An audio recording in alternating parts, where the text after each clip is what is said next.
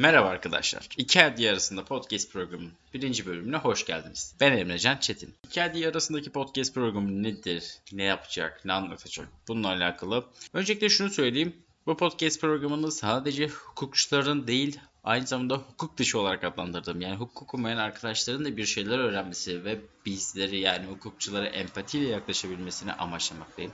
Bu amacım doğrultusunda başarılı olur muyum olmaz mıyım bilmiyorum. Bu kanaat ne size bağlı olacak bir kanaat. İçerik bu yönde olacak. Öncelikle kendimi tanıtmış olayım. Ben Emrecan Çetin İstanbul Hukuk Fakültesi 4. sınıf öğrencisiyim. Bu zamana kadar çeşitli hukuk ofislerinde ve şirketlerde çalıştım. Bununla alakalı işte hemen kendi alanımla alakalı hem de farklı alanlarla alakalı çalışmalarda bulundum. Şimdi iki adli arasında fikri nasıl başladı, nasıl oldu bundan bahsetmem gerekirse iki adli arasında aslında şöyle başladı. Ben tam olarak yani bir şeyler üretmek istiyordum. Ve yani bu ne olacağını hiç yani karar verememiştim. Podcast olsun okey falan düşünüyorum ama ne olacak? Podcast ne olacak vesaire. Bunu çok düşündüm. Sonra 28 ee, Ekim 2020 tarihinde 28 Ekim yarım gün 29 Ekim Cumhuriyet Bayramı olduğu için ulusal tatil. 28 Ekim 2020 tarihinde Baküköy Adliyesi'nde işim vardı. Baküköy Adliyesi de hukukçular bilir ama hukuk dışı olan arkadaşlara da anlatmış olalım. İkiye bölündü. Yani nasıl ikiye bölündü? Bir ek bina oldu yeni Dosya'da. Yani iki tane adli oldu aslında. E, böyle bir durumda olduğunda da ve yani 28 Ekim gibi yarım gün olduğu dönemde ve pandemi varken e, 2020 yılında biliyorsunuz ki vahşi olayıdır pandemi. Bu pandemi döneminde her mahkeme yani her kalem her daire kendine göre bir işleyiş belirlemişti. Kimisi 9'da mesaiye başlıyordu kimileri de 10'da mesaiye başlıyordu. Bunun nasıl önüne geçilir de bilmiyorum. Ve yani 12.30 deyince de pavyonu seçeceklerdi yarım gün olması dolayısıyla adliyenin. Ben 10'da adliyeye gittim. Hatta bu köy ana binası yani e, Duran'daki o adliyeye gittim. Orada işlemler yapmam lazım. İşte daireye gitmem lazım. İşte çalıştığım yerden belirli şeyler vermiş. Şu davanı şu şeyi de yapman lazım. Kaleme gitmen lazım vesaire vesaire. Bunların hepsi iç detaylarını daha sonrasında hukukçu olan arkadaşlar anlatacağım. Şimdi hukukçu arkadaşlar daha iyi anlıyor olabilir bu meseleyi ama 11 gibi falan benim Baküköy ana binada işim bitti. 11'den sonra da Yeni Bosna Adliyesi'ne yani ek binaya gitmem lazım. Adliyeden çıktım koşa koşa gerçekten abartmıyorum.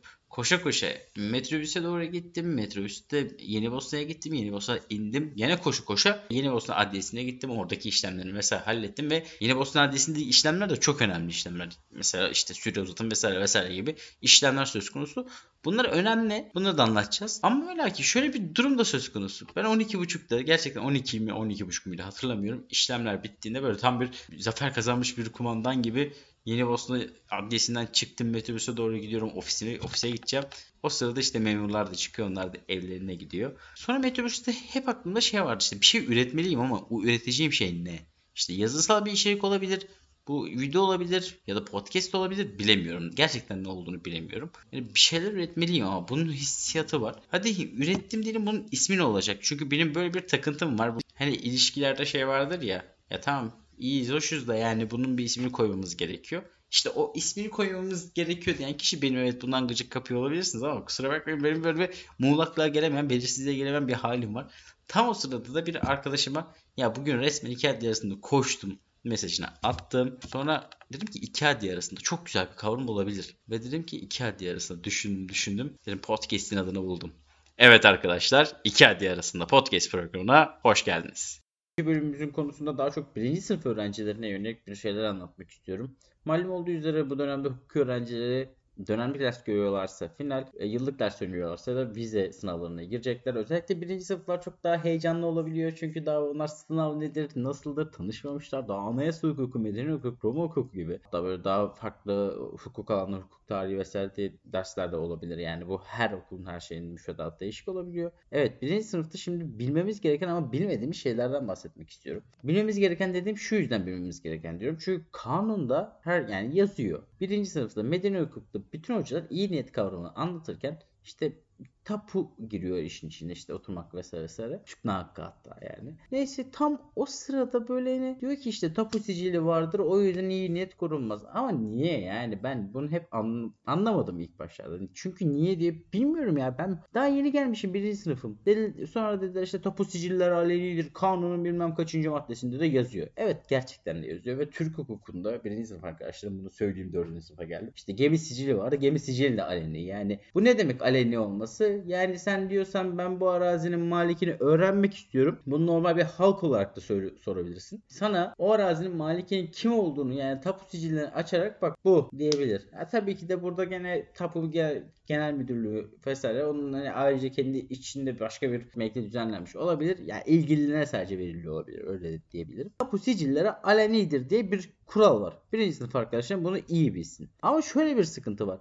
Ya ben bu bölüme yeni gelmişim. 18 yaşındayım. Benim hayat tecrübem belli. Ya ben bu hayatta ne malım var ne mülküm. Ne tapu dairesine girmişim ne de vergi ödemişim. Yani hocam benden tapu sicillerin aleni olduğunu nasıl yani bilmemi isteyebilirsiniz? Evet kanun okumalıyız.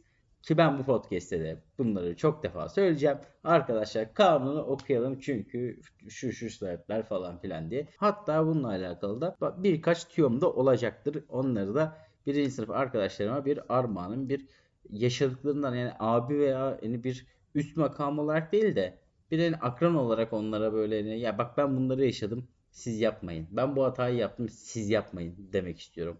Mesela birinci hata iktisat dersi. Bizim İstanbul Hukuk'ta iktisat dersini İstanbul İktisat Fakültesinden gelen bir hocamız vermekte ve hocamız bizden gerçekten bir iktisatçı gibi işte formülleri bilmemizi belki türevi integral vesaire bilmemizi istiyor. Ya okey tamam Hocam çok haklısınız. Belki de alanınızda gerçekten başarılı bir insansınız. Ben sizi takdir ediyorum. Kim olduğunuzu da tanımıyorum. Yani ne makamınızda vesaire. Benim için belalı bir derstir iktisat. Çünkü benim 3 senemi yedi arkadaşlar. Ben 4. sınıfım. 1. sınıf dersi bu ya. Bak 1. sınıftan anayasa bırakanı gördüm. Medeniye bırakanı gördüm. Ne bileyim başka dersler bırakanı gördüm. İktisat bırakan. Bir ben varım bir tane daha arkadaşım vardı. O kadar. Neden bilmiyoruz ama yani 1. sınıfta veremiyorsan geçemiyorsun. Böyle bir saçma bir durumu var. Ben hatta 2. sınıfta demiştim ki daha iyi bir işte şeyle veririm. Harf notuyla veririm. Bu arada harf notu diye bir şey çıkıyor üniversitede. Bu da önemli. Bunu da ayrıca değineceğim. Ne iktisat dersine geçemiyorum. 2. sınıfta online oldu. Gene geçemedim yani. Artık yapmadı bir şey kalmadı. İnternete girip yazıyorum gene yok yok ya. Dedim ki bu ders benim için bir bela arkadaş. Sonra dedim ki ben bu dersi geçmeliyim. 3. sınıfın bütün çünkü dedim ki yüzdeyken ben bu dersi veremem. 3 ders sınavında bile yani açmıyorlar. Yani utanmam gerekir. Yani hocadan hocam bana 5 puan verirseniz geçeceğim demem ya utanmam gereken bir konu. Yapmam gereken şey dedim ki iktisat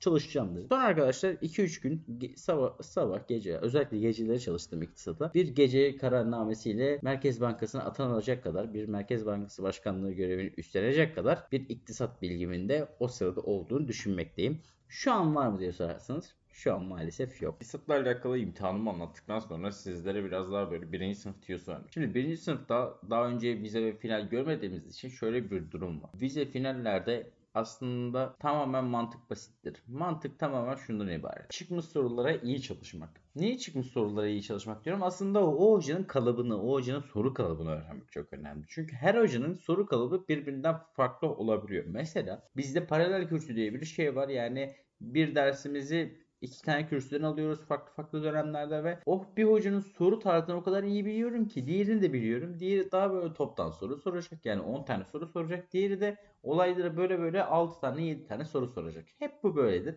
O yüzden bunu bilmek çok önemli ve ikinci şey bu biraz müneccimlikle alakalı bir konu.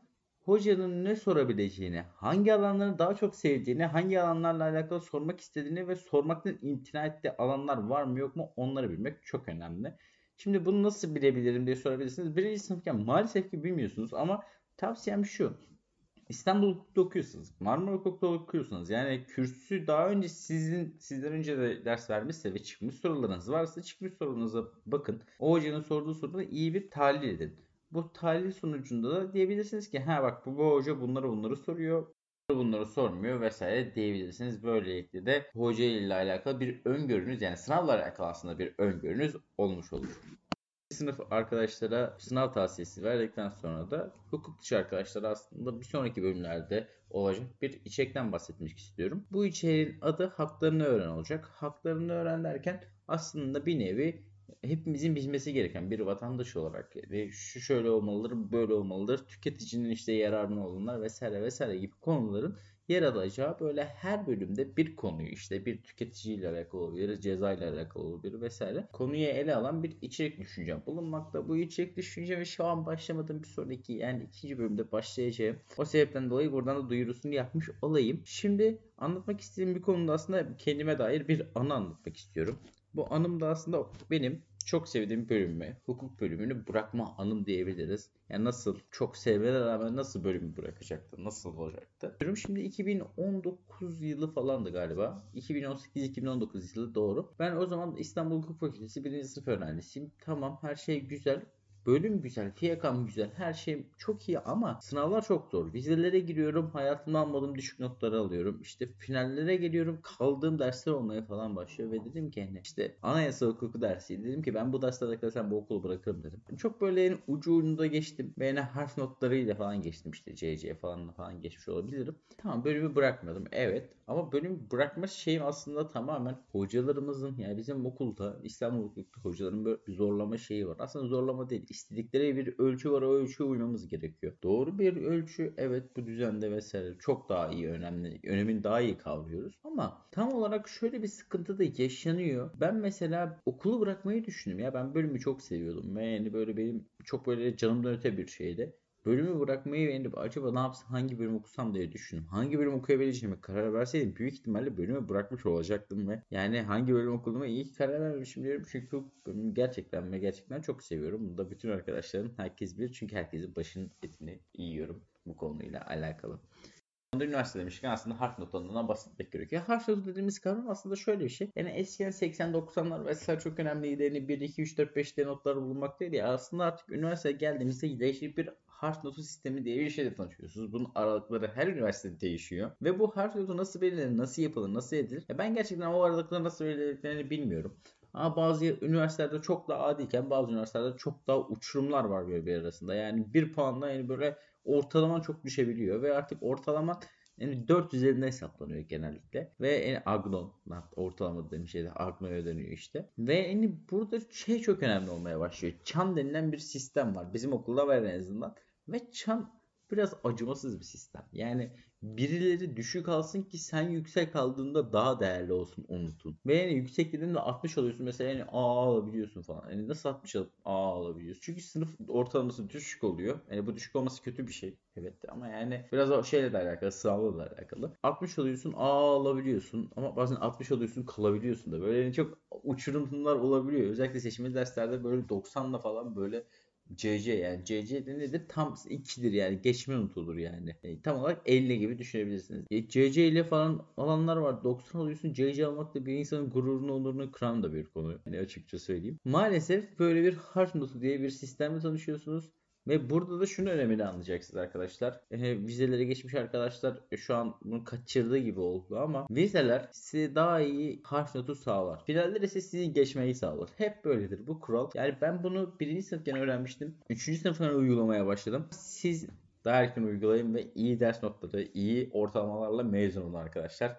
Geldi arasında podcast programının sonuna geldik. E, heyecanımı mazur görüyorum. Ses kalitesini vesaire mazur görmenizi istiyorum. Çünkü ilk podcast ve her zaman ilk elin günah olmaz demişler diye ben de öyle düşündüm. Umarım eğlenmişsinizdir. Umarım öyle bir şeyler de öğrenmişsinizdir. Ben bunun üzerine daha çok istiyorum. Hem öğrenmeniz hem eğlenmeniz yönünde. Burada çok anı paylaşmadım. Çünkü burada yani birinci bölüm olması sebebiyle tam olarak ne anlatacağım vesaire tam olarak bilemedim açıkçası.